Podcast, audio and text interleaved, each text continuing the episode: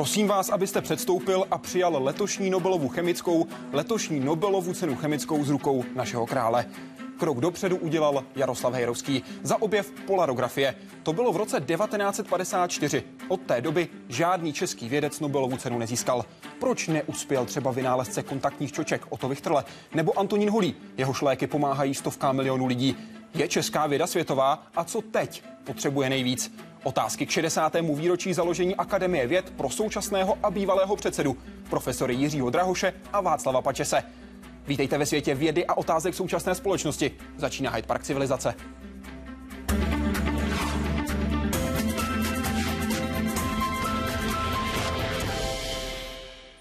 Pani profesoři, vám oběma dobrý večer. Díky moc, že jste při tomto výročí v Hyde Parku civilizace. Dobrý večer. Dobrý večer. Otázky na vás budou směřovat z našeho webu www.hydeparkcivilizace.cz. Tam na vás také čeká otázka, ostatně jako každý týden. Dnes ní je Akademie věd pro Českou republiku přínosná? Můžete hlasovat celý pořad, ano nebo ne, podle toho, jaký je váš názor. Akademie věd, tehdy Československá, vznikla na den přesně před 60 lety. Na úplný začátek vzpomíná bývalá předsedkyně Helena Ilnerová a také bývalý předseda Rudolf Zahradník. Já osobně na ten rok 52. vzpomínám s troškou nostalgie a chmury. Já jsem právě doštudoval Vysokou školu chemicko-technologickou a prostě jsem se nelíbil, takže jsem zaprvé nesměl být asistentem na žádné škole a nesměl jsem pracovat v Akademii věd, která právě vznikala.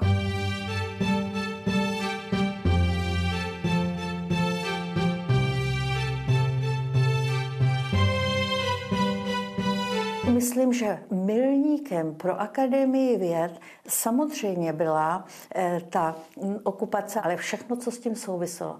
Nastal obrovský odchod vědců do zahraničí. Myslím, že to bylo takové velké vycucání krve a vycucání výborných vědců z České republiky jako takové a že se z toho česká věda hodně eh, dlouho zpamatovala.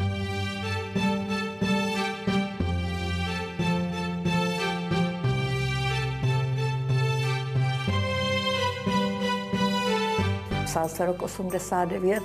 Došlo k obrovským změnám, protože akademie se z takové centrální organizace, kde skutečně rozhodoval ten předseda, změnila v systém ústavu. Akademie v roce 90. se dal do toho, čemu vláda říkala transformace Akademie věd. No, já jsem v tom byl namočen, takže vzpomínám docela schutí na některá zasedání vlády, kam jsem byl několikrát za rok zahnán a podával jsem o tom zprávu. Akademie skutečně prodělala proměnu. To, co bylo slabé, bylo odstraněno. Ale eh, bohužel naše politická reprezentace není vždycky dost obratná, aby, řekněme, toho využila pro politický prospěch země tak prostě, abych tak řekl, bylo lehce poklepáno na rameno, podřeseno rukou, zaplať pámu za to.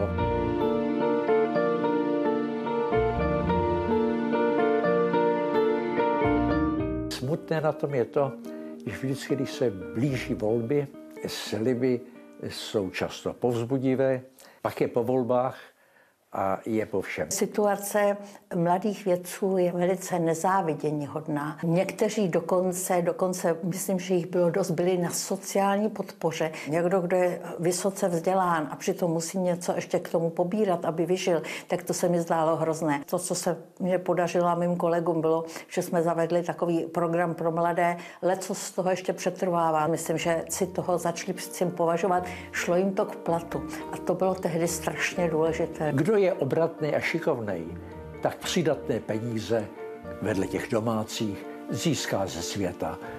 Těch grantů se nabízí větší množství. Takže jak vidíte, nejsem z toho mrzutej ani zatrpklej. A co vy, když se podíváte na těch 60 let zpátky, jste mrzutí a zatrpklí? Hmm, určitě ne. Eh, já jsem nastoupil do Akademie věd v roce 72. Jsem udělal přijímací zkoušky eh, během vojenské služby a od té doby jsem v Akademii věd, čili je to od roku, nebo je to už docela dlouho taky. Ta dvojka mě provází eh, stejně jako Akademie věd tou historií, ale Václav Pače samozřejmě je v Akademii věd o něco déle. A u vás ten pocit je nebo není? No není, protože ku podivu Akademie věd, zejména do té okupace v roce 1968, byla poměrně eh, bych řekl, nepříliš politicky sledovanou institucí. Samozřejmě byly výjimky jako filozofický ústav a takové spíš ty e, politické a společenské vědy, ale v přírodovědách opravdu jsme měli poměrně velkou svobodu bádání a já jsem si to velmi užíval až do toho roku 1968. V době normalizace ovšem Akademie věd jako jedna z takových institucí, které byly kontrarevoluční, jak se tenkrát říkalo, tak potom to nebylo moc dobré. Potom zejména ta naše izolace od světové vědy, myslím, nás hodně zdržela v, v tom vědeckém bádání. A dnes užíváte si to? Já si to užívám velmi, ale ještě víc bych si to užíval, kdybych měl víc času na skutečně tu laboratorní práci, ale jak mě tady Jirka Drahoš potvrdí, tak eh, když se člověk dostane do těch funkcí, jako jsme my byli, tak eh, už se vlastně ta věda tak trošku musí opustit. Bohužel. Vás to mrzí, pane profesore Drahoši? Eh, mrzí mě to, říkám to opakovaně, nemám už tolik času sledovat svůj vlastní obor, nemám tolik času na přednášení na studenty, ale je to určitá daň tomu, co člověk dělá. To, já, já si nestěžuji. Pojďme si pro první otázku od Jirky Hrušky. Československá akademie věd vznikla před 60 lety. Měla vždy po dobu, po dobu celé své historie volnost a svobodu vědeckého bádání, anebo pocítila období nesvobody, ať již ideologické nebo ekonomické. Kterou z těchto dvou nesvobod pokládáte za závažnější a jsou nesvobodami? Pane profesore Pačesi, vy jste na to částečně odpověděl. Ano. Vezměme i tu druhou část, ekonomická nesvoboda. Tak eh, víte, ono peněz není nikdy dost. Vždycky každý chce a my vědci taky víc peněz a víme, že bychom je dobře dovedli utratit. Peněz je jenom tolik, kolik prostě státní rozpočet nám dává. Takže já pokládám za závažnější, samozřejmě zdaleko závažnější nesvobodu. Znovu říkám to, že jsme například byli opravdu odtrženi od světové vědy, že jsme nemohli jezdit na kongresy, že jsme sem vlastně nemohli zvát kolegy a tak dále, tak ta izolace, ta byla mnohem horší než eh, případné nedostatky nebo nedostatek peněz dnes ekonomická nebo ideologická je tady takováto nesvoboda, co se týká Akademie věd? Ideologická v žádném případě. Ústavy jsou veřejné výzkumné instituce a určují si svůj vědecký program. No, ta ekonomická nesvoboda je to svázáno s tím, co říkal eh, kolega Pačes. Eh, samozřejmě eh, myslíme si, že by na vědu mělo jít víc peněz, ale není to určitě něco, co zásadním způsobem limituje výzkum. Ale ideologie v současné době není žádný problém. Věda zbraň socialismu, socialismus zbraň vědy. Psalo rudé právo v den, kdy byla založena Československá akademie věd. Bylo to ostatně i za samotnými řečníky v tom sále. Když se na to teď zpětně podíváte, jaký pocit to ve vás vyvolává? No, jestli můžu, tak eh, já bych řekl, že možná takové heslo tam bylo, nebo zcela jistě tam muselo být, ale skutečnost byla jiná. Eh, dobré je si přečíst paměti profesora Charváta, který popisuje založení tehdejší Československé akademie věd a ku podivu se ukazuje, že ti první akademici, to byl vlastně ten řídící orgán těch postupně vznikajících ústavů a těch ústavů začlenovaných do Akademie věd, tak ten byl opravdu vybrán bez nějakého velkého politického tlaku, zejména v přírodních vědách zejména v přírodních vědách. A byli tam opravdu ti nejlepší vědci v, tě, v tom roce 52, 53, 54. Teprve později se to začalo politizovat a ve skutečnosti k největším politickým přehmatům, co se týče vůbec řízení Akademie věd a jmenování těch akademiků, došlo vlastně až po roce 1968, to je v době normalizace. 20. výročí založení, citace z tehdejšího projevu. Jako vrcholná vědecká instituce Československé socialistické republiky dostala Akademie věd za úkol zaměřit svou činnost k rozvoji vědy a techniky a tím sloužit budování socialismu a blahu lidu. Jaké je to dnešní zadání? Já myslím, že zadání je jednoznačné dělat špičkovou vědu. Špičkovou ne v rámci tohoto státu nebo na, na úrovni tohoto státu, ale na světové úrovni. Jak se nám to daří nebo nedaří a komu se to daří, to je jiná věc, ale zadání je naprosto jasné. Špičková věda. Dobrý večer. U příležitosti 60. Československé akademie věd by mě zajímalo, zda v její historii vidíte nějaké zlomové milníky, ať formou zásadních objevů, podmínek pro výzkum, technologií či možností. Jak moc se za těch 60 let Československá akademie věd změnila? Milníky, pane profesore Drahoši, které byste vypíchnul? Tak ty obecně známé jsou uh, Hejrovského Nobelova cena Eh, Vichterleho kontaktní čočky, eh, léky profesora Holého, ale ono těch, eh, těch mezimilníků je daleko více. Je otázka, co je to objev. Objev v zásadě je něco jako nový přírodní zákon. Dneska se objevem označuje lecos.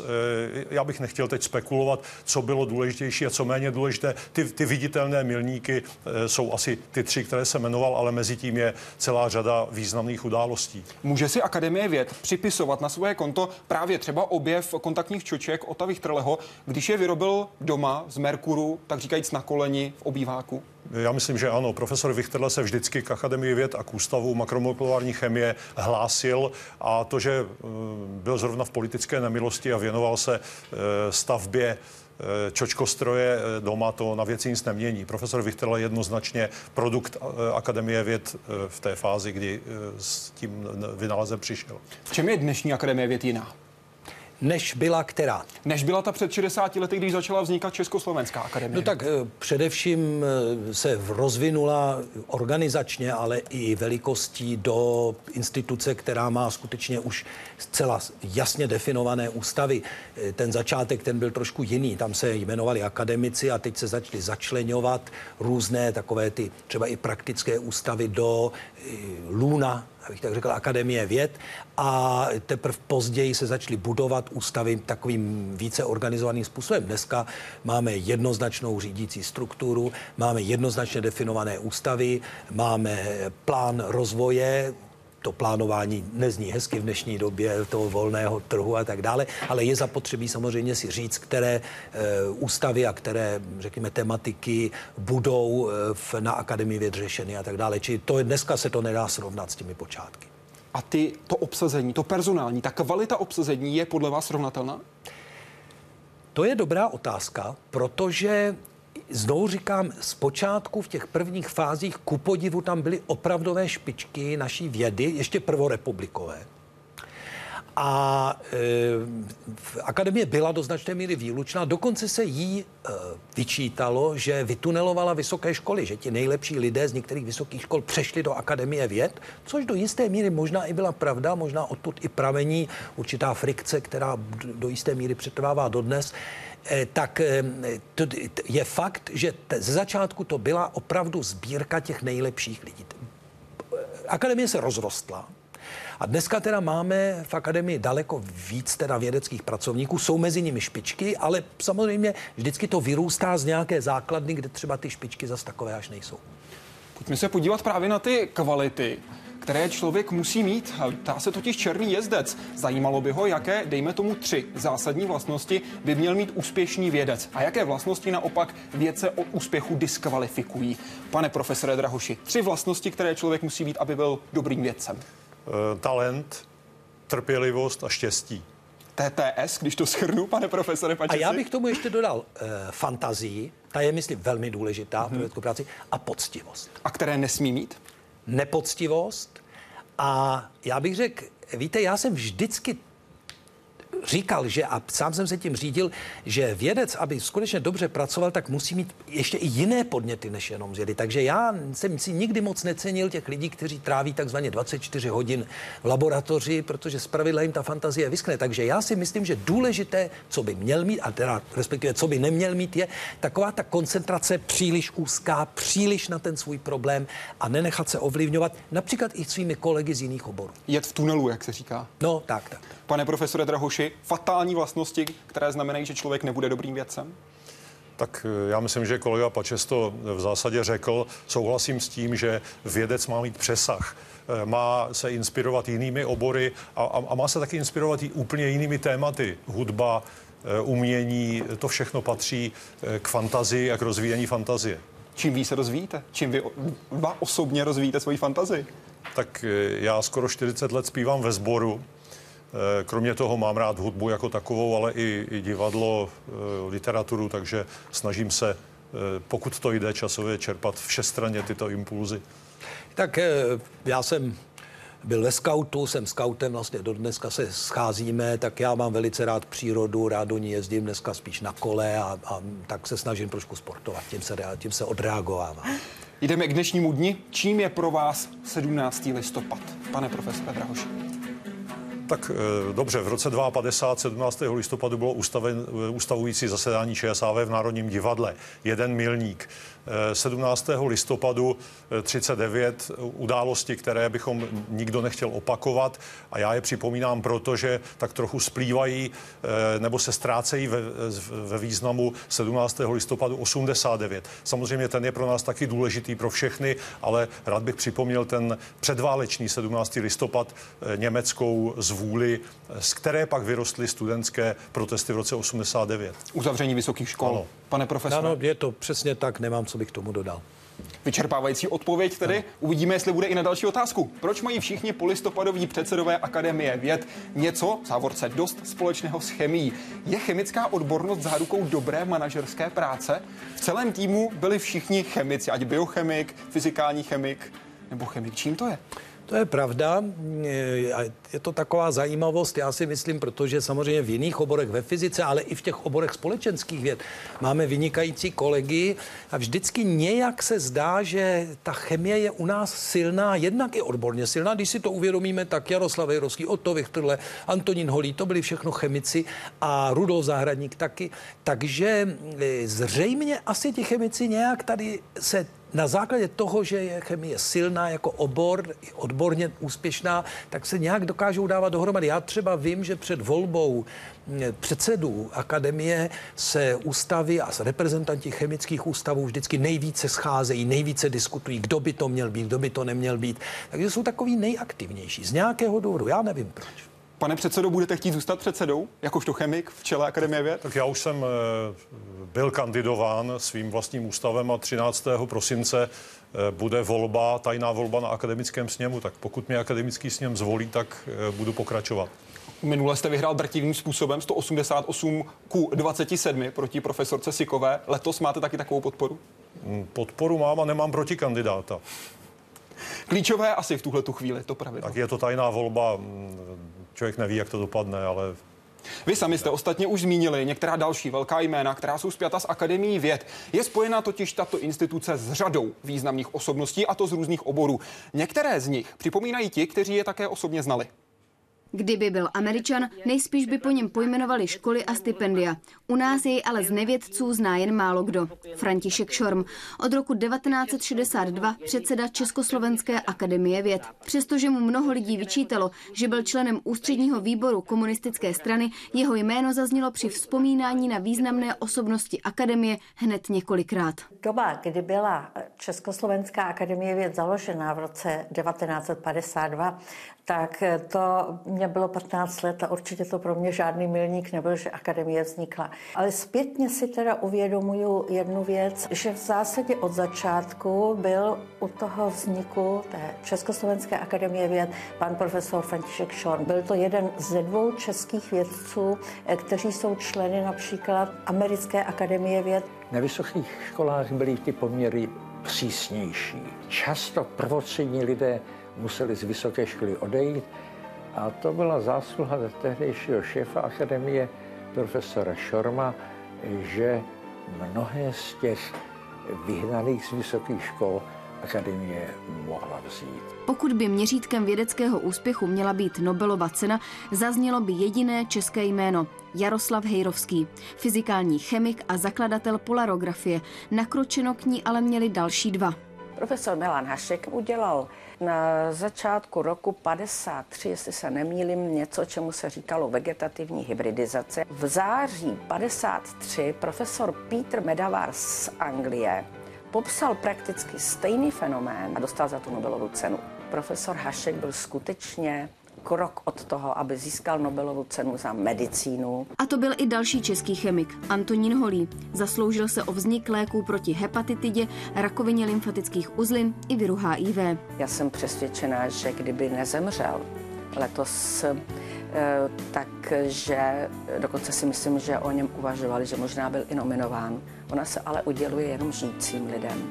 Takže si myslím, že pro tomu o něco utekla. I když seznam významných vědců zdaleka nebude úplný, osobnost, jakou byl Otto Wichterle, nelze vynechat. Kdo na mě měl vliv, tak musím říct, že to byl fenomenální český chemik Otto Wichterle.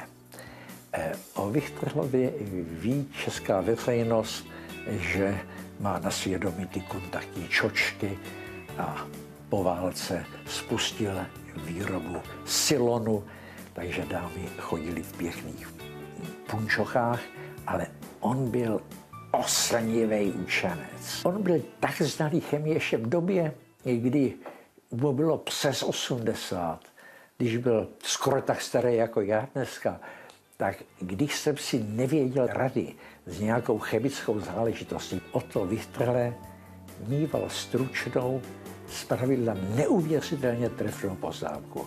On byl, on byl člověk, no, lehce nadpřirozený. Koho byste jmenoval vy? Eh, tak eh, ta jména samozřejmě padla. Já jsem profesora Vichterleho eh, znal daleko méně než profesor Zahradník. Profesor Holý, když tady byla řeč o Nobelově ceně, myslím si, že kdyby byl býval američanem, tak by ji získal. Padlo to tady v souvislosti s, jménem profesora Haška. Já jsem spíš rád, že máme spoustu dobrých mladých vědců nebo vědců střední generace. Jinak ta jména, která by se dala jmenovat v souvislosti s potenciálními kandidáty na Nobelovu cenu v minulosti, některá už tady padla. Dvě mě teď napadají. Jedno byl Josef Rudinger, který eh, odešel po okupaci v roce 1968 do eh, Curychu a to taky podobně jako Milan Hašek, tak Josef Rudinger byl těsně potom, eh, nebo syntetizoval určitou, určitý hormon, těsně potom, co syntetizoval eh, francouz de Devigno, který za to tu Nobelovu cenu dostal. Tak Josef Rudinger určitě je jeden z nich. A druhý starší byl Emil Votoček. Emil Votoček eh, byl fenomenální chemik na Vysoké škole chemicko-technologické a mimo jiné byl také hudební. Byl to univerzální člověk, byl hudební skladatel a například já mám doma takovou silnou francouzskou frazeologii od eh, Emila Votočka. On byl vynikající lingvista a frančtinář. To byl takový opravdu vynikající člověk taky. Na Facebooku se ptá Alfred, proč mají čeští vědci pouze jedinou Nobelovu cenu ve vědecké oblasti? Jak si vysvětlujete, že profesora Hejrovského nikdo z dalších vědců nenásledoval? Ve které oblasti jsme měli největší naději na zisk tohoto ocenění? Tak já Vy jste myslím, teď zmiňovali ty vědce, ale proč je tedy nemáme v tuhle chvíli to ocenění? Proč tam nebyl ten jeden krok? Není to chyba české vědecké diplomacie? Občas eh, to dopadlo tak, jak říkal Václav Pačes, že ta syntéza přišla jenom chvíli po té, co, ale já si myslím, Trochu že... Cimrmanovské. Ano, ano, ale já si no. myslím pořád, že kdyby eh, někteří z těchto vědců působili eh, na západě nebo ve Spojených státech, že by tu Nobelovu cenu měli. Nebudem si zastírat, že Nobelova cena je nějaké naprosto průhledné charitativní rozhodnutí. To si nemyslím. A potom, jestli můžu k tomu ještě, víte, přece jenom, my jsme tady byli 40 let v určité izolaci, zejména po tom roce 68. A to se nedá nic dělat. Když někdo tu Nobelovu cenu získává, tak je to člověk taky známý v těch kruzích a člověk, který se pohybuje v té vědecké komunitě. A to nám vlastně bylo odepřeno. Je tady dnes někdo, kdo do budoucna tuhle šanci má? Tak mě moc mrzí, že teda Antonín Holý byl tak nemocen, že, že zemřel. Také sdílím to, co se tady už říkalo, že pra, velmi pravděpodobně by ji dostal. Já ještě, když jsem byl předsedou akademie, tak jsem ho navrhoval, myslím, že byl navrhován několikrát, ale prostě nedošlo k tomu. Ano, my máme mladé lidi, o kterých já si myslím, že skutečně mají na to, když budou mít ale to štěstí, o kterém tady Jiří Drahoš mluvil, že je také zapotřebí, tak eh, pokud ho budou mít, tak si myslím, že mají na to, aby opravdu udělali díru do světa. Jmenujte aspoň některé, ať víme, na koho se zaměřit. No tak například jsou to ti, vlastně jsou to žáci Rudolfa Zahradníka v kvantové chemii, je to Pavel Hobza, je to Pavel Jungwirth, mladí, eh, tak Pavel Obza už není tak mladý. To je nejcitovanější vědec světa, navíc ne, můžu dodat. Ne světa, ne, ne, ne, ne, ne. Český, pardon, český, omlouvám se, ve světě, v ano, České ano, republiky. Ano, je, se, ano. tak eh, myslím, že ta teoretická chemie u nás eh, opravdu je na vysoké úrovni, tak tam by někdo takový mohl být, ale víte, ono zpravidla to je tak, že k velkému objevu eh, přichází náhle a přichází ze základního výzkumu. To je to, proč já tak pořád zdůrazňuji, aby nikdo neřídil ten základní výzkum. Tam se rodí ty ideje, tam je to nejcennější, co vědec může společnosti dát, je jeho invence, jeho znalosti a najednou se může stát, že někdo přijde s nějakým objevem, který potom vede až třeba k té Nobelově ceně. Vy jste, pane profesore, řekl pro server aktuálně v roce 2009 k cenám Nobelovým konkrétně, že profesor Holíbí dostal v okamžiku, kdyby ale Švédská královská akademie změnila vnitřní postoj ano. a přestala udílet ceny ve fyziologii nebo lékařství za práce základního výzkumu, ano. ale za práce, které přináší konkrétní výsledky, například léky, které zachraňují lidské ano. životy. Jak to teď jde dohromady s vašimi slovy? Zaměřme se na základní výzkum. No ale, no ale Antonín, no ale Antonín Holí, jak si, ačkoliv ty jeho léky teda léčí skutečně a je to typicky aplikovaný výzkum, tak on začal, já si to pamatuju, já s ním mám dokonce společné publikace, znám ho od doby, kdy jsem já sám začínal pracovat, byli jsme na jedné chodbě spolu, tak on začal striktně základním výzkumem a dokonce základním výzkumem, který v té době ani jako tak se moc, moc nebyl ten módní výzkum. Výzkum chemismu a chemických reakcí určitých sloučenin. Jinými slovy, cesta k Nobelově ceně podle vás vede od nuly přes základní výzkum k aplikovanému výzkumu, ke konkrétnímu výstupu, no, za který by měla být Nobelova cena? Ne, ne, ne, ne, ne. Ta se právě, a to, o tom jsem mluvil, dává hodně za ty výsledky toho základního výzkumu, které otvírají nějaké nové obzory. Ale to je špatně, říkáte. Ne, neříkám, ne, já neříkám, že to je špatně, ale říkám, že kdyby změnila, jakože už také i změnila eh, Nobelovská komise eh, ten svůj náhled na to třeba letos zrovna, že jo, tak to bylo z takové hodně teoretické obory, tak potom by, eh, a kdyby zohlednila toto hledisko, že, a to měl taky, myslím, Alfred Nobel na mysli, že to je něco, co eh, v tom roce vlastně se to mělo udílet za výzkumy, výborné výzkumy za rok poslední, což už dneska se vůbec eh, nerespektuje. Takže kdyby toto hledisko tam dali, tak by Antonín Holý pravděpodobně a také ten Josef Rudinger, upřímně řečeno, měli tu Nobelovu cenu na Facebooku vynálezce. Jak složité je v současné době vynalézt něco nového? Za do profesora Vichtrlého to asi nebylo tak těžké, když kontaktní čočky vyrobil v bytě na přístroji ze stavebnice Merkur, poháněné dynamem z jízdního kola, později motorkem z gramofonu. Pane profesor. Já myslím, že vynalézt něco eh, zásadního je těžké v jakékoliv době. Eh, profesor Vichterle byl vynikající vědec a byl také člověk manuálně vysoce zručný. Když tady nemohl jinak, tak si eh, ten čočkostroj sestrojil a eh, ty čočky odlil. Ale já si myslím, že on by se k tomu dostal i jinudy, i kdyby neměl Merkur doma, i kdyby bádal třeba v té laboratoři v ústavu a měl daleko pokročilejší metody. Já si myslím, že vymyslet něco originálního je těžké v každé době. Dneska to tedy není o nic lehčí. Ne, ne, ne, určitě ne. Kdyby o to Vichtrle měl ty podmínky, vymyslel by kontaktní čočky dříve, nebo by třeba udělal ještě další krok? Tak to já si nemyslím. Jak já jsem znal o tu Viktorlu a v posledních letech jsem se s ním osobně stýkal, tak on byl prostě člověk, který, kterému to, já ono to bylo skoro vidět, jak mu to v tom mozku šrotuje, jak pořád přemýšlí. On byl neuvěřitelně jako bystrý a plný ideí a plný myšlek a to nemohla mu vzít žádná doba, žádný režim. Já jsem dokonce napsal jednou k, k výročí jeho úmrtí, teda jsem napsal článek vynálezcem, eh, jak to bylo, vynálezcem proti všem režimům, nebo takhle nějak. Já jsem ho, myslím, dokonce i četl. Teď no. si dnes taky nevybavím přesně ten ano, ano. Eh, název toho, ten titulek. Na Facebooku Vítězslav Škorpík se ptá, mohli byste říct něco o životě a práci fyzika George Plačka? Na to, jak byl velký, jeho význam je u nás dost neznámou ano. postavou. Tady musíme začít u tohoto fyzika, jestli byl nebo nebyl součástí projektu Manhattan. Váš no, pohled? Já si myslím, že byl. Podle toho, co vím, tak ano, on se narodil v Brně, eh, byl to vynikající fyzik, pracoval u Nielse Bohra, eh, pracoval v, v projektu Manhattan v Los Alamos, eh, takže eh, možná je to opravdu jediný Čech, který viděl test eh, jaderné bomby tehdy ve Spojených státech. Ale souhlasím s tím, že je to hodně zapomenutá postava. Myslím, že v Brně někde má už teď pamětní desku, ale je to, byla to vynikající postava české fyziky. Co přinesl české fyzice?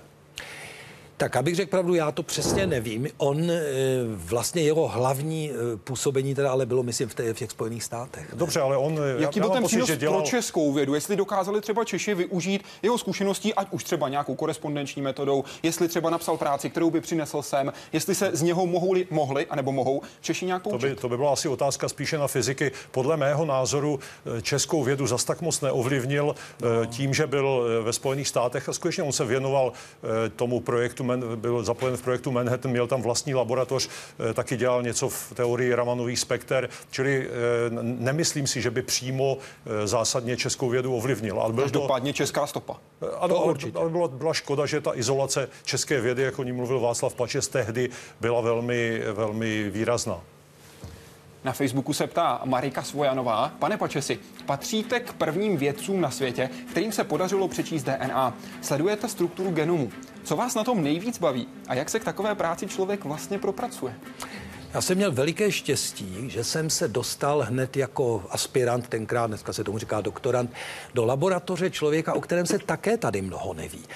Do laboratoře Jiřího Doskočila a já podle mého to byl jeden z nejchytřejších a nejgeniálnějších vědců, ale on byl takový skromný, on se neprosazoval eh, a tak se o něm vlastně neví. A já jsem měl velké štěstí, že jsem v jeho laboratoři byl a on vlastně předběhl, to jsem až teprve později jsem si to uvědomil, že on předběhl svou dobu o dobrých 10, 15, možná 20 let. On byl ten, který začal vlastně první se čtením dědičné informace. Samozřejmě byly to metody z dnešního pohledu primitivní a byl to takový určitý specifický specifický eh, úsek, na který se zaměřil, ale tam možná pramenila, pramenil můj zájem o práci s DNA, který postupně potom vedl až k tomu, jak se vyvíjely ty metody, že jsem se tím začal zabývat velmi mnoho. A dneska, kdy vlastně už čte DNA stroj a u něho je nějaký laborant nebo technik, tak hlavním hm, takovým, eh, takovou podstatou té genomiky je dneska bioinformatika. To znamená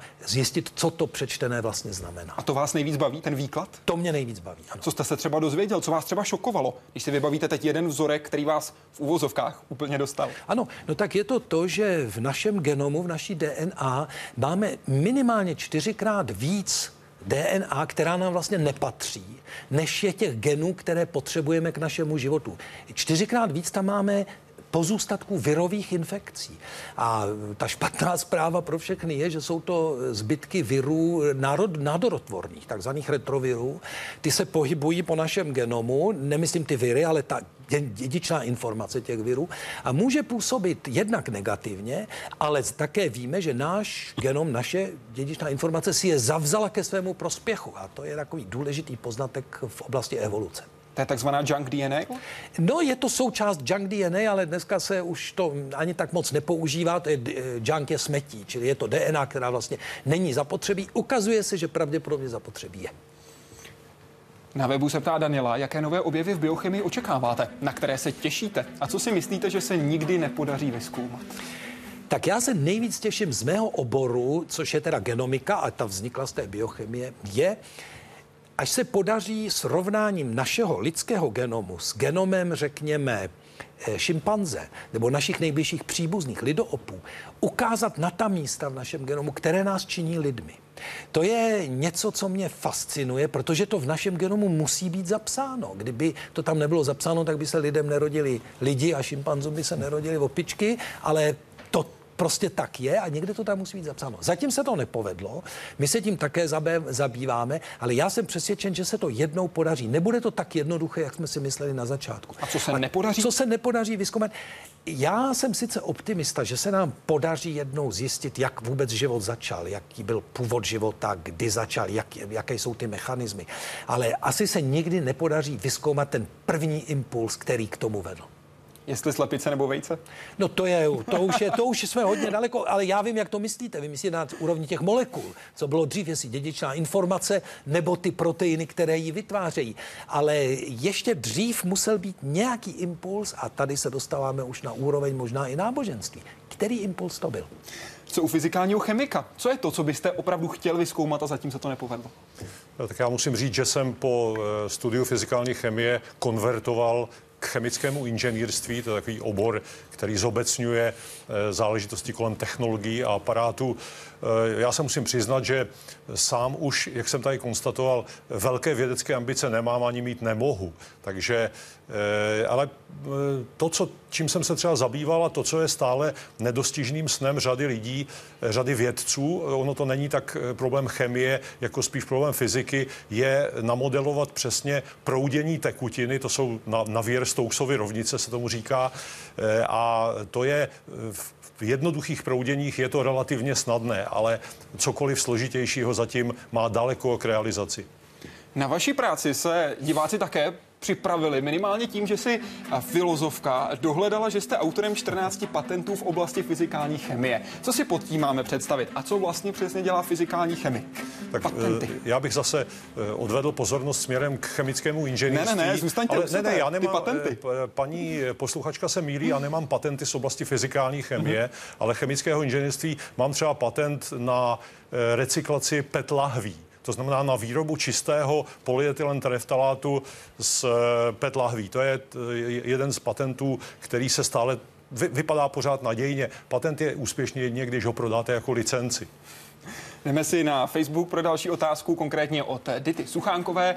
Profesore Drahoši, z rukou prezidenta jste převzal medaili za zásluhy o stát. Za jakou činnost konkrétně a jaké ocenění vaší práce si vážíte nejvíc? Právě tohoto? Tak ocenění medaile za zásluhy, kterou mimochodem má i Václav Pačes, je za zásluhy v oblasti vědy. Já si myslím, že tam eh, pan prezident nebo tým lidí, který mu to navrhuje, eh, oceňuje jednak eh, určitou vědeckou kvalitu toho kandidáta a pak to, že se o tu oblast vědy třeba jako my dva s Václavem Pačesem doufáme managementu Akademie věd tak trochu zasloužili. Jestli si ho vážím nejvíc, je to určitě nejdůležitější občanské vyznamenání, které člověk může dostat. Teď pomím záchranu života a podobné eh, jiné medaile. Eh, takže je to ocenění, kterého si vážím. Byť není přímo odborné, ale eh, v té občanské, v občanské rovině si ho vážím určitě nejvíc. Jdeme na web pro další otázku od Aničky Bohaté. Zajímalo by mě, v jakých oborech lidského bádání jsou naši vědci na světové špičce. Můžete jmenovat konkrétní lidi či týmy, na které můžeme být jako Češi opravdu hrdi? Tento pořad je ideální šance, jak národ seznámit se jmény, o kterých se běžně nemluví pane profesore Pačesi? Tak eh, myslím, že už tady padlo to, že naši chemici a například ti výpočtáři, ti teoretičtí chemici mají opravdu světové renomé. Bohužel, jak se o tom zmiňovala i Elena Ilnerová, tak někteří z nich po roce, těch, nejlepších po roce 1968 odešli do zahraničí, tam se opravdu proslavili, ale někteří ti mladší tady naštěstí zůstali a ti teda tu vlajku nesou dál. Tak to za prvé. Za druhé, my máme velmi dobrou eh, v té biologické oblasti oblasti imunologii a zejména tu molekulární imunologii. Já si myslím, že tam jsou opravdu lidé, konec konců tady mluvila Blanka Říhová, máme Václava Hořejšího a máme celou řadu dalších, kteří je následují, kteří třeba si to jméno ještě neudělali, a my o nich už víme. Tak já myslím, že tyto, dva, tyto dvě oblasti, alespoň ty, ke kterým já mám blízko, tak uh, jsou skutečně na špičce. Přidáte další jméno? Uh, určitě ano. Já bych jenom řekl, že máme v Akademii věd cenu, která se jmenuje eh, Akademická prémie, to je takový velký grant 30 milionů korun na pět let. A tento nositelem této prémie jsou v současné době je 13 vědců. A všech 13 ale to nejsou jediní. Jsou špičkoví vědci, čili docent Homola, vynikající eh, odborník přes senzory, profesor Pišek, eh, odborník přes zavlečené druhy typu, eh, myslím, rostlin, typu bolševníků a tak dále.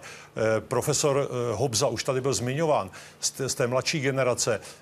Profesor Hof z Ústavu fyzikální chemie Jaroslava Herovského, vynikající fyzikální chemik. Prostě kterýkoliv z těchto 13 vědců většinou střední generace a nejenom z těchto je na světové špičce. Takže já bych tady mohl zdržovat jmenováním eh, skoro telefonního seznamu. Těch lidí by bylo opravdu hodně a jsou i v oblasti humanitních a ano. sociálních věd. Hmm. Pojďme na ty peníze, jak vy jste sám zmínil, pane profesore. Můžete nám prosím porovnat financování vědy v České republice a v jiných vyspělých zemích? Tak je obecně známo, že Česká republika je ve financování vědy pod průměrem Evropské 27. Čili my se Já nemáme... Přidám, promiňte, že vám do toho vstupuju konkrétní číslo. Plánováno za rok 2011, pardon, vydáno 1,86% HDP. Průměr je 1,9, to znamená 4 ano. setiny pod Evropskou 27. Čili toto je varovný signál. Chceme-li se považovat za vyspělou zemi, měli bychom do vědy investovat více. Víte, my často slyšíme příklad severských států, jak jsou úspěšní nebo úspěšné, jak to tam funguje. Tyto státy dávají zhruba třikrát více nebo dvakrát více na vědu než Česká republika. To se musí projevit. Marná sláva, věda je dnes mezinárodní a ty peníze potřebuje. Takže určitě je to jeden z faktorů, který bych viděl jako handicap pro českou vědu. A co druhý faktor? Nakládání s těmi penězi. Půjčím si vaše slova, pane profesore Pačesi, ze serveru i dnes z letošního července. Tady bojují o peníze jednotlivé segmenty výzkumu mezi sebou. Je to kontraproduktivní, používají se přitom podrazy. Boj se státem je potom až na druhém místě. Není tady problém tedy v tom, že těch 385 miliard, které stát dal od roku 2005 do vědy, je dost. Jenom s ním věci neumí hospodařit? Částečně to opravdu tak je. Já si myslím, že eh, opravdu by se dalo a mělo by se víc hledět na to, jak se ty peníze budou alokovat, komu se dají, kdo za ně bude teda pracovat. Není to tak jednoduché, jak by se na první pohled zdálo, protože e, srovnat a evaluovat, jak my říkáme, vědeckou práci je obtížné. Víte, jsou, je citovanost, jsou různé faktory. A když se na to podíváte z historických perspektiv, tak zjišťujete, že mnozí lidé, kteří zdaleka by neměli to, co se dneska vyžaduje, právě dosáhli těch největších e, objevů. Například Jaroslav Hejrovský pouze publikoval 52 publikací. To má dneska hnedle nějaký eh, doktorant nebo člověk, který e, má pár let po doktorátu. Dnes je také ale víc možností, kde publikovat, než za dob profesora Hejrovského. No, tak to je možné. Vede to k inflaci publikační, víte? Je to tak, vede to k určité inflaci, právě ten tlak na vědce, aby publikovali potom, vede dokonce i k vědeckým podvodům, naštěstí ne v České republice. Víme, že tady byly ty skandály v Jižní Koreji a i jinde. Ten tlak dneska na vědce je opravdu enormní. Já myslím, že je skutečně občas kontraproduktivní. No a u nás, kde se různé segmenty, jako například Akademie věd, vysoké školy a e, zejména potom ten e, rezortní výzkum a výzkum, řekněme, průmyslový, tak se bojuje e, já nevím, jestli možná jsem řekl skutečně, že se tam dochází k podrazům. Já jsem ti spíš myslel, že se bojuje takovými trošku neférovými metodami, které já i chápu, protože prostě každý ten rektor nebo předseda akademie věd nebo kdo se snaží prostě tu svoji instituci zajistit. Profesor Vladimír Maří, který je vedoucím katedry kybernetiky na ČVUT v rozhovoru pro českou pozici, řekl, že se tady vyplýtvá víc než 25 v peněz určených na výzkum. Pane tak, profesore Drahoši, jako zastánce univerz, respektive instituce, která hospodaří se 4,5 miliardami ročně, kolik se vyplýtvá? Eh, já si nemyslím, že bychom v Akademii věd plýtvali penězi. Myslím, že eh, standard a výsledky, které publikujeme, jsou velmi dobré. Nemáme ve srovnání s univerzitami žádné nadměrné platy, spíše eh, nižší než průměrný plat na let, které univerzitě přístrojové vybavení nakupujeme. Já si nemyslím, že se u nás plítvá, ale já bych řekl, že to, co se mi nelíbí a to, co se nelíbí ani akademické sféře na vysokých školách, a my jsme nedávno přijali eh, takové společné prohlášení, je, kolik stát investuje do průmyslového výzkumu. Eh, musíme si uvědomit, že ve vyspělých zemích jsou to jednotky procent. Eh, u nás je to v rozpočtu průmyslovém 14 procent. Eh, čili, a to je víc než dvojnásobek průměru Evropské 27. Dělá to 5,4 miliardy v roce 2011. Peníze, které šly do průmyslového výzkumu a z nich vždy by polovina šla do základního výzkumu a nebo aplikovaného výzkumu, eh, tak by to určitě situaci významně já, pomohlo. Já bych to možná... promiňte, aby nezapadlo to jedno, ta jedna poznámka, kterou byste tam měl. Podle vašeho názoru jsou vyučující na, na univerzitách a vědci na univerzitách přeplaceni? Ne, průměrný ne, plat v Akademii věd není vyšší než na e, špičkových vysokých školách. Dokonce mohu říci s klidným svědomím, že je o něco nižší, ale to neznamená, znamená, je průměrný plat třeba 35 tisíc korun a na univerzitě 37, to není žádný dramatický rozdíl. Já jsem tím jenom demonstroval, že si nemyslím, že bychom plítvali nějakým způsobem penězi. Pane profesore Pače, si vy jste chtěl dodat? Eh, no, už to bylo řečeno tady. Pojďme se podívat právě na to financování samotné jednotlivých segmentů. Zajímalo by mě, píše František Slepota, jak je to s financováním základního aplikovaného výzkumu. Pokládal bych za racionální, aby převaha státních peněz byla orientována do základního výzkumu no. a na aplikovaném výzkumu se více podílely soukromé no. společnosti. Jo. Jaká je u nás struktura? To je přesně, co já jsem předtím měl na mysli. Eh, ve Spojených státech zejména ten eh, průmyslový výzkum, teda se soukromých podniků, cích naopak financuje ten základní výzkum na univerzitách. U nás je to úplně naopak a velké korporace soukromé získávají ze státního rozpočtu prostě veřejné prostředky na svůj výzkum. Mělo by to být naopak. Minimálně by si ho měli platit sami a zejména by ještě měli kontraktovat univerzity nebo ústavy akademie věd k tomu, aby jim financovali ten výzkum, z kterého potom samozřejmě oni mohou mít nějaký užitek. Na druhou stranu, když se na to podíváme třeba z té politiky státu, která potřebuje jednu z jejich priorit zaměstnanost v okamžiku, kdy bude investovat a dá, vlastně pomůže třeba podporou finanční pro nějaký výzkum, vývoj, vyvine se nová technologie, která ta firma opravdu je potřebná, ví, že tuto technologii chce, stát pomůže, zvýší se zaměstnanost. Dobře, ale stát, stát dává ty peníze, které jsem zmínil, těch 5,4 miliardy eh, z mého odhadu z poloviny na slepo. Musíme si uvědomit, že eh, průmyslový výzkum spotřebuje 98% svých peněz, čili on to, co dává do vědy, a to je víc, než dává stát, to spotřebuje prakticky celé sám a ještě 20% eh, rozpočtu státního jde do průmyslového výzkumu, nebo skoro 20%. Čili tam je nějaký nepoměr.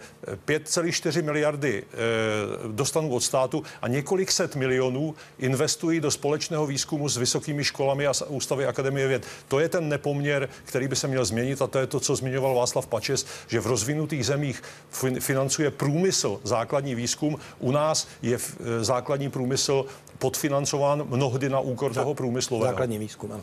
Podíváme se na další otázku od Bohumila Klouba. Co si mám myslet o výzkumném projektu Gender v české raně novověké literatuře o ženách, manželství a hospodářství, zařazeného na webu Československé, pardon, České akademie věd mezi významné a zajímavé projekty. Když je v jeho popisu závěru uvedeno, že poslední monografie vyjde v létě 2011. Tak já nevím, eh, upřímně řečeno, na co se pan eh, Kloup ptá. Jsou tohle dobře utracené je to, peníze? No, je to projekt z názvu, bych řekl, že je na Filozofickém ústavu Akademie věd. Eh, je to projekt, který se zabývá Eh, evidentně eh, nějakou tematikou 16., 17., 18. století. Eh, čili historicky. Čili historicky myslím si, že výsledkem jeho bude zřejmě několik monografií. Poslední tedy vyjde nebo vyšla v létě 2011. Je to projekt, který určitě není financován Akademií věd. My financujeme výzkum v drtivé většině z grantu, čili byl-li tento projekt uznán za vhodný k financování z účelové z grantové agentury třeba České republiky, tak jako nevím eh, upřímně, že jak mám odpovědět. No, pojďme se zastavit u tohoto, vezměme si to jako modelový příklad. Ano. Řekněme si, v tuhle tu chvíli máme nějaký balík peněz na vědu. Měl by na takovýto projekt, který hovoří o genderovém ano. vyvážení v ano. 16. až 18. století. Teď je celkem jedno, jestli to jde z rozpočtu Akademie Jde to zkrátka z těch peněz, které by šly na vědu. Není tohle příklad plítvání? Ne, já myslím, že ne. Víte, nemůžeme podceňovat, eh, řekněme, projekty v oblasti filozofie, v oblasti společenských Historie. věd, humanitních věd. To není dobré, protože tohle to například typicky je i historická záležitost. Já si myslím, že kulturní civilizovaný národ musí se zabývat takovými věcmi, musí se zabývat svou historií a jde o to, jestli je to kvalitní projekt a na toto téma, jestli je řešen prostě na úrovni takové, jak věda v, tě, v tomto oboru postupuje. A já věřím, protože byl financován, že je. Jdeme na web. Otázka od Martiny. Proč se nespojí vysoké školy nebo alespoň jejich fakulty, které se chtějí orientovat na výzkum z Ústavy Akademie věd podobného zaměření? Spolupráce by byla těsnější, neskoumala by se jedna věc dvakrát a věda by šla rychleji a asi i levněji dopředu. Tak eh, já bych eh, velmi eh, drsně odmítl to, že se u nás zkoumá jedna věc dvakrát. Víte, taková představa, že když se dělá fyzikální chemie na VŠHT a na Karlově univerzitě a na Masarykově univerzitě, že se dělá vlastně to tež. V každém tom oboru se lidi lidi etablují v trochu jiné disciplíně. Já tam nevidím eh, žádný valný důvod k tomu, aby k takovému spojování došlo. Já si myslím, že konkurence je docela dobrá, eh, ne, nejenom v průmyslu, ale i ve vědě. A když ty týmy mezi sebou soutěží a oni opravdu neskoumají to tež, na to by nedostali peníze, tak uh, bych řekl, že k tomu není žádný zásadní důvod. O tom dublování hovoří například Jiří Cinciala, viceprezident Svazu průmyslu. Ale pan Čenčela v tomto případě obávám se neví, o čem mluví. To je taková fráze, že se ten výzkum dubluje. Já bych chtěl jednou slyšet od někoho, kdo to takto kritizuje, konkrétní příklad. Já On udává jako neslyšel. konkrétní no. případ Filozofický ústav Akademie věd a Filozofická fakulta no, UK. No, to Já je... myslím, že to, že to ne, ne, nezaslouží ani komentář. To, to hovoří samo za, sobě, za sebe. Proč se nespojit je ten tak... zbytek? Zastavme se ještě u, zbytku, u zbytku této otázky. Proč se nespojit? Spolupráce byla těsnější, šla by věda rychleji a asi i levněji dopředu. Proč víte, že, víte, že má Akademie věd 53 společných pracovišť s vysokými školami. Eh, teď, eh, když mluvíme o, eh, o biochemii, o biologických vědách, máme společný projekt s Univerzitou Karlovou BioCEF, financovaný ze strukturálních fondů. Řada společných grantů, řada společných projektů. Ta spolupráce je de facto velmi těsná a velmi úzká. Formální připojení nějakého ústavu Akademie věd k fakultě vysoké školy by to určitě ne- neřešilo, takže já si nemyslím, že to je cesta vpřed. To znamená, ničemu by to nepomohlo, ani to, že by se třeba bádalo levněji? Určitě by se nebádalo levněji. Ty přístroje jsou potřeba, my je sdílíme. Pokud e, jsou e, drahé, tak je sdílíme nejenom v Akademii věd, ale často i s kolegy z vysokých škol. Akademie věd má úspěchy i v současnosti. Pojďte se podívat, jak funguje, jak pracuje a na čem pracuje jeden mladý tým.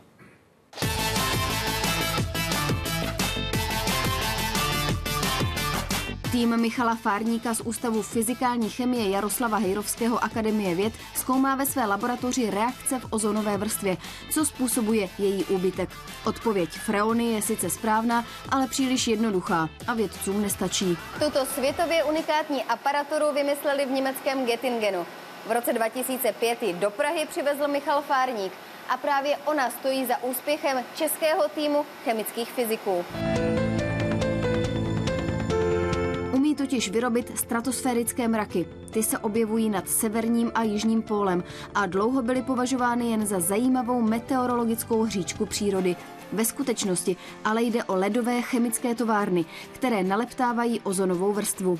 Podobný proces imitují i v pražské laboratoři. Vyrábíme si ledové nanočástice, posadíme na ně nějakou molekulu, která se vyskytuje v atmosféře a posvítíme na ní ultrafialovým laserem a koukáme se na molekulové úrovni, jakým způsobem se nám tahle molekula třeba rozpadá, co se s ní děje. Čili to bylo ve fokusu našeho zájmu ale před nějakou dobou se nám lasery porouchaly, přestaly fungovat. Tak se hledali nějaké cesty, jakými by se mohli vědci zabavit alebo teda, ako to my nazývame, pracovat, že?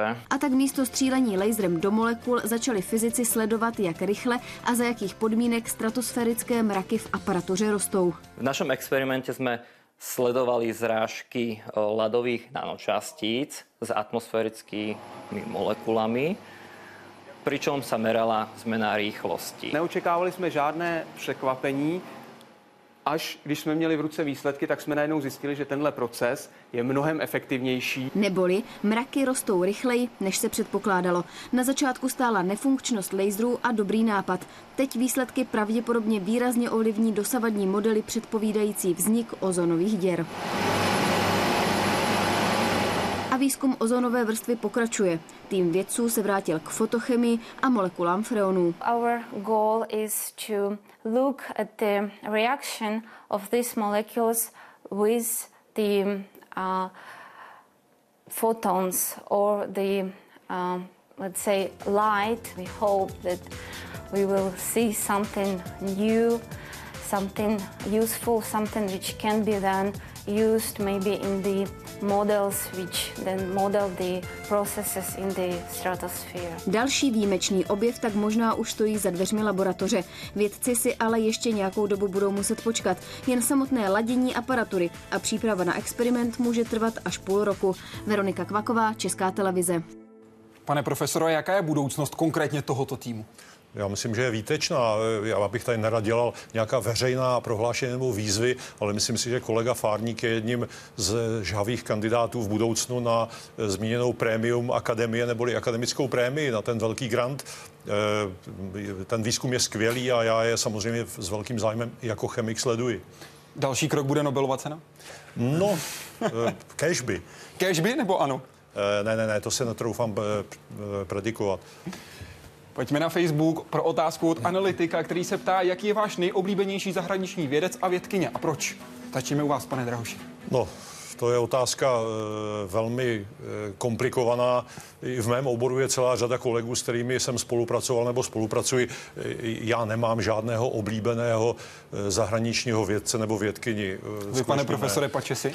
Já jsem pracoval na univerzitě v Chicagu u profesora Roberta Heizokorna a to je mimořádně skvělý vědec a to je můj takový nejoblíbenější. A potom z těch žen zase byl jsem v laboratoři Margarity Salas ve Španělsku v Madridu a zase to je skvělá vědkyně, kterou já mám v oblibě. Petr Kulík se ptá, píšu, píše, nemohu se nezeptat, jak je v historii Československé akademie věd zapsán fenomenální vědec, vizionář, vynálezce, historik, dramatik, učitel českého národa a objevitel Járovky Jára Zimmerman. Nebyl to právě on, kdo myšlenkově už dávno před jejím vznikem narýsoval obrysy Československé akademie věd? Tak eh, možná bych mohl eh, říci, nebo to, co mě napadlo při čtení tohohle e-mailu, že eh, Jara Zimmerman působil vždy mimo univerzitu, takže je vlastně zakladatelem neuniverzitního výzkumu.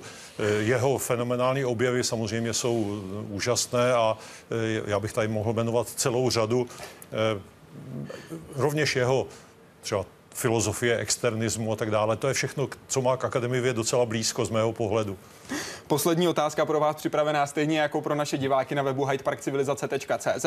Je Akademie věd pro Českou republiku přínosná? 96% diváků říká, že ano. Výsledek, se kterým můžete být spokojeni, já myslím. Děkuji divákům. Zdá se, že tam píší ti rozumní.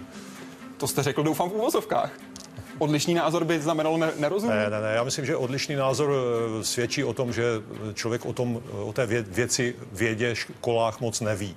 O vědě Takže... se dozví vždycky hodně v Hyde Parku Civilizace v sobotu ve 20.05. Díky, že jste tady právě v tento čas byli. Hezký večer. Děkujeme za pozvání. Děkuji. A my tady samozřejmě budeme i příští týden a s námi Josef Kaucner, vynikající kardiolog. Tak buďte s námi také vy. Hezký večer.